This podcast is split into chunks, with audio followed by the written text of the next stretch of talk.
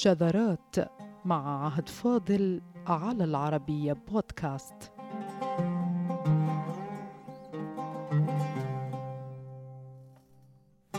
الألغاز في الشعر العربي ضرب من التأليف الذي يتعمد تعقيد المعنى أو تصعيب الوصول إليه من خلال مهارات معينة يتمتع بها الشاعر أو المصنف وهي متعة ذهنية لمحبي هذا النوع من الأدب وكذلك متعة روحية لما فيها من آثار معنوية يطرب لها السامع أو العارف الذي تكشفت له أسرارها.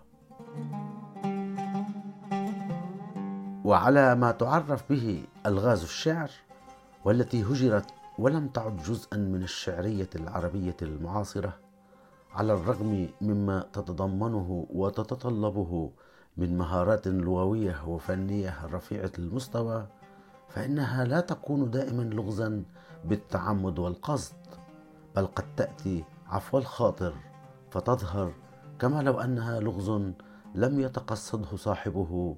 ولهذا قال بعض رؤساء العربية إن هناك ابياتا لم تقصد العرب الإلغاز بها وإنما قالتها وصادف أن تكون الغازا. وهناك الألغاز التي وضعت كألغاز تقصد أصحابها إظهارها كذلك.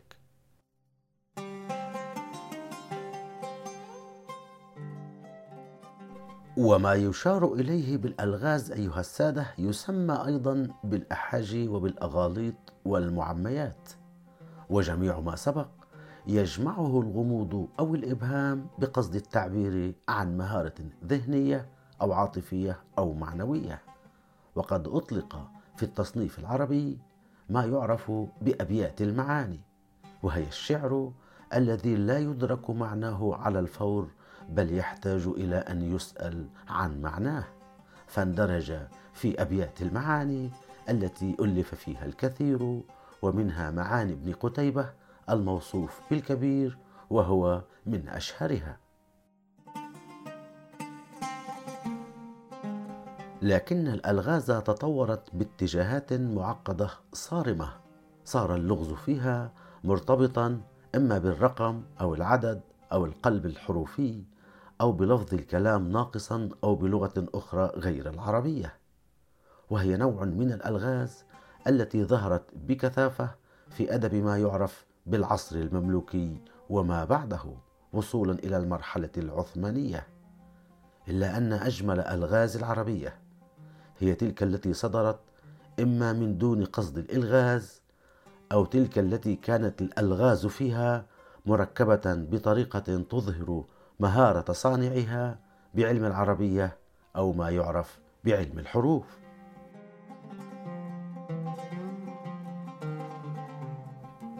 واللغز في أمهات العربية ميلك بالشيء عن وجهه وألغز كلامه أضمره ولم يبينه. واللغز في العربية القديمة حفرة يحفرها اليربوع في جحره تحت الأرض ومؤدى وظيفتها التخفي والهرب وتضليل طالبه. فإذا بغت من مكان يخرج من مكان آخر فهو لغز.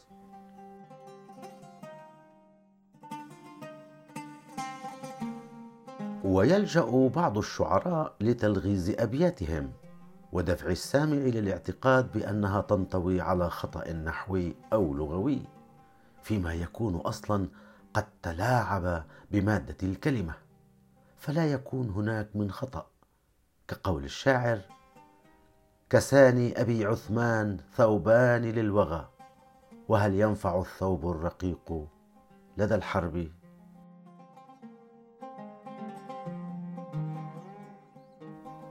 فللوهلة الأولى يعتقد بأن أبي عثمان خطأ وصوابها أبو عثمان.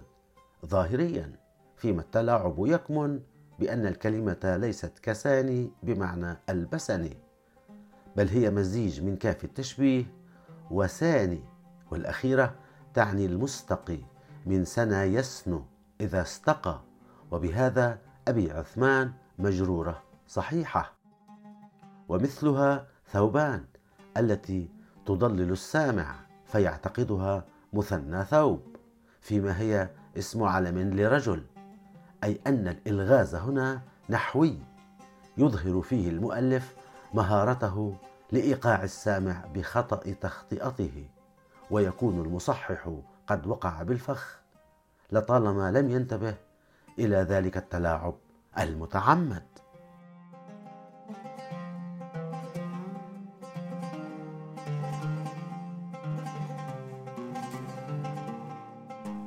والإلغاز النحوي كثير أيها السادة وفيه تتجلى براعة واضعه بتضليل السامع من خلال إيهامه بكلمة ما تكون في الحقيقة أخرى فيتغير الإعراب كليا. أما الإلغاز القائم على المعنى ومنه أبيات المعاني فهو الأقرب لروحية الشعر العربي لأنه يحمل على المجاز والتورية. وتكون الدلالة فيه مشتقة من تعدد أسماء الشيء الواحد كما قال الشاعر ولقد رأيت مطية معكوسة تمشي بكلكلها وتزجيها الصبا والمعنى الغريب هنا يظهر وينتفي اللغز عندما يعلم أن المطية قصد بها السفينة.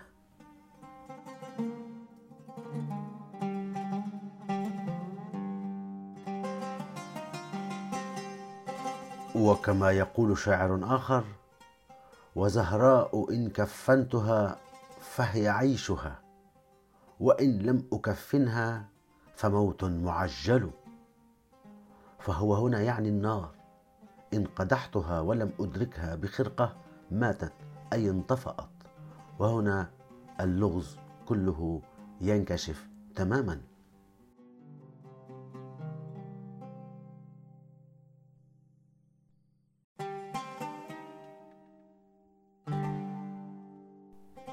ومنها ما يورده أئمة معجمات العربية كهذا البيت المشكل وما ذكر فإن يكبر كأنثى شديد الأزم ليس بذي ضروس وهنا أيها السادة يعني حشرة القراد فإذا كان صغيرا كان قرادا وعندما يكبر يسمى حلمة فيؤنث.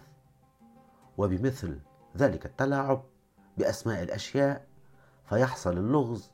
قال الشاعر وقد رأيت نهارا وهو منتشر في نصف ليل وجون الليل معتكر والنهار هو اسم فرخ الحبارة وبذلك ينتفي اللغز الذي لعب على التضاد بنهار ينتشر في ليل.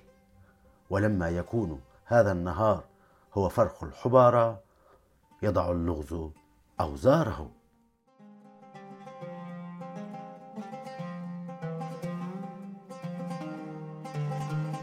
وللشاعر نفسه يقول ويتلاعب بالسامع والأرض قد دخلت في أنف جارية فما أحست بأرض حين تنتثر. وتكشف خبايا اللغز عندما تكون الأرض هنا بمعنى الزكام. فالمأروض مزكوم وقد أرض أرضا أي أزكم لأن الأرض أيها السادة من أسماء الزكام. وهنا حيث يصبح المجاز في أبهى صوره يمكن من خلالها التلاعب بالمعنى بل بالسامع الذي قد يخيل إليه معنى آخر من هذا اللغز يقول الشاعر ومجتمعين ما اجتمعا لإثم وإن وصفا بضم واعتناق. لعمر أبيك ما اجتمعا لمعنى سوى معنى القطيعة والفراق.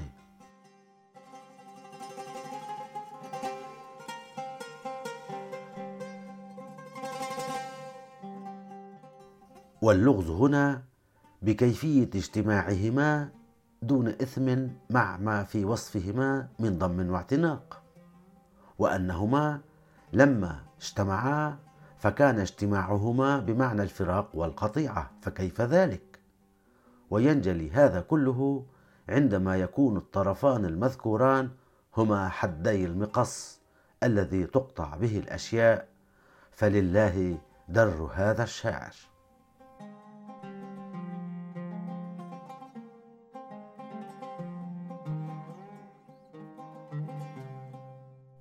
ويقول آخر وصاحب لا أمل الدهر صحبته يشقى لنفعي ويسعى سعي مجتهد. ما إن رأيت له شخصا فمذ وقعت عيني عليه افترقنا فرقة الأبد.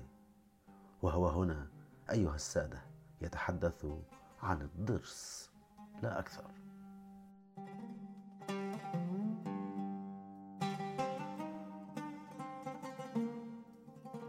لكن الأحاجي والألغاز تطورت وأصبحت أقرب لألعاب لغوية أو قانونية يستعصي فهمها على الكثير من السامعين أو القراء.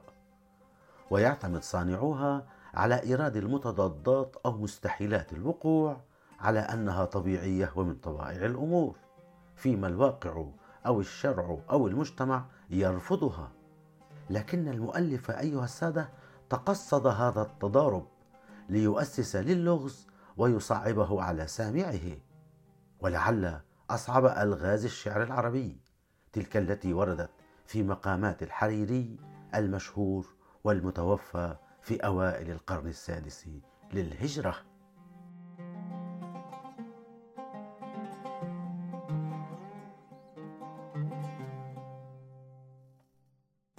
وكان أحد أشهر الناثرين العرب القدامى وهو الجزري ابن الأثير قد تصدى لشرح أحد أعقد ألغاز العربية شعرا. يوصف بأنه أعقد الألغاز الشعرية العربية نظرا لما فيه من تعقيدات ومستحيلات فقهية وقانونية لا يمكن اجتماعها معا إلا على أساس من خطأ أو انحراف ما فيما التدقيق المضني كما قدم ابن الأثير يكشف عن خبايا أعقد الألغاز في الشعر العربي.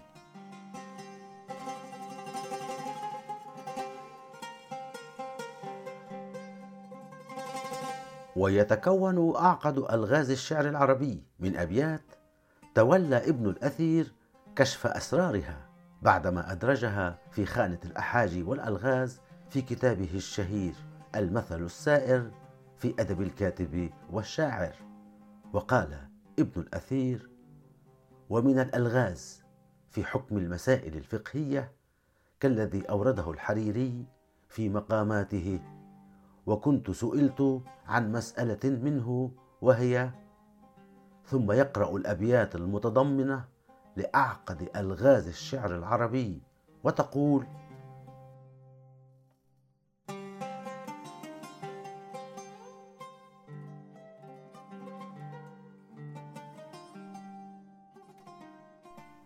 ولي خالة وأنا خالها.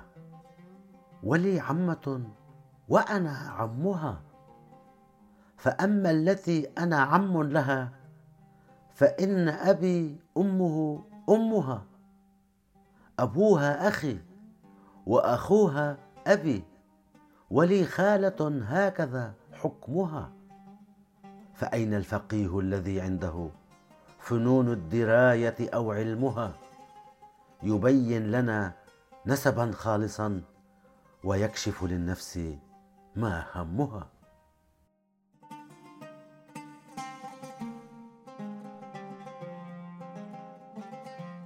ويكمل ابن الأثير بعدما أورد قصيدة اللغز بقوله وهذه المسألة كتبت إلي فتأملتها وانكشف لي ما تحتها من اللغز وهو أن الخالة التي الرجل خالها تصور على هذه الصورة وذاك أن رجلا تزوج امرأتين اسم إحداهما عائشة واسم الأخرى فاطمة وأولد عائشة بنتا وأولد فاطمة ابنا ثم زوج بنته من أبي امرأته فاطمة فجاءت ببنت فتلك البنت هي خالة ابنه وهو خالها لأنه أخو أمها.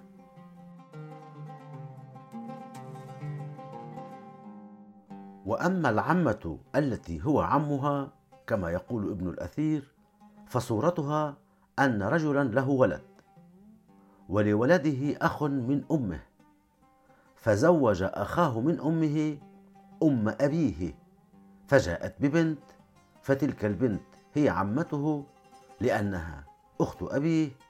وهو عمها لأنه أخو أبيها.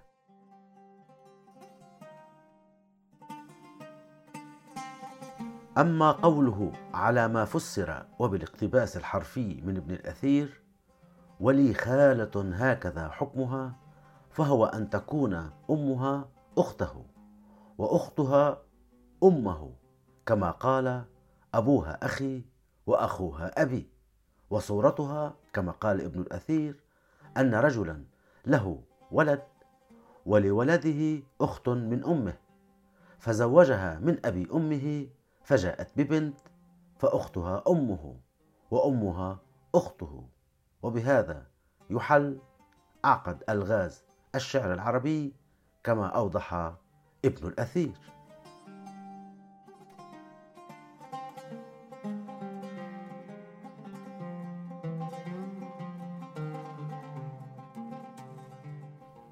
ونختم أيها السادة بواحد من أجمل ألغاز العربية قاله المعري الشاعر الضرير الشهير وهو يلغز عن الإبرة المعروفة فيقول سعت ذات سم في قميصي فغادرت به أثرا والله يشفي من السم كست قيصرا ثوب الجمال وتبعا وكسرى وعادت وهي عارية الجسم والسلام عليكم Thank you.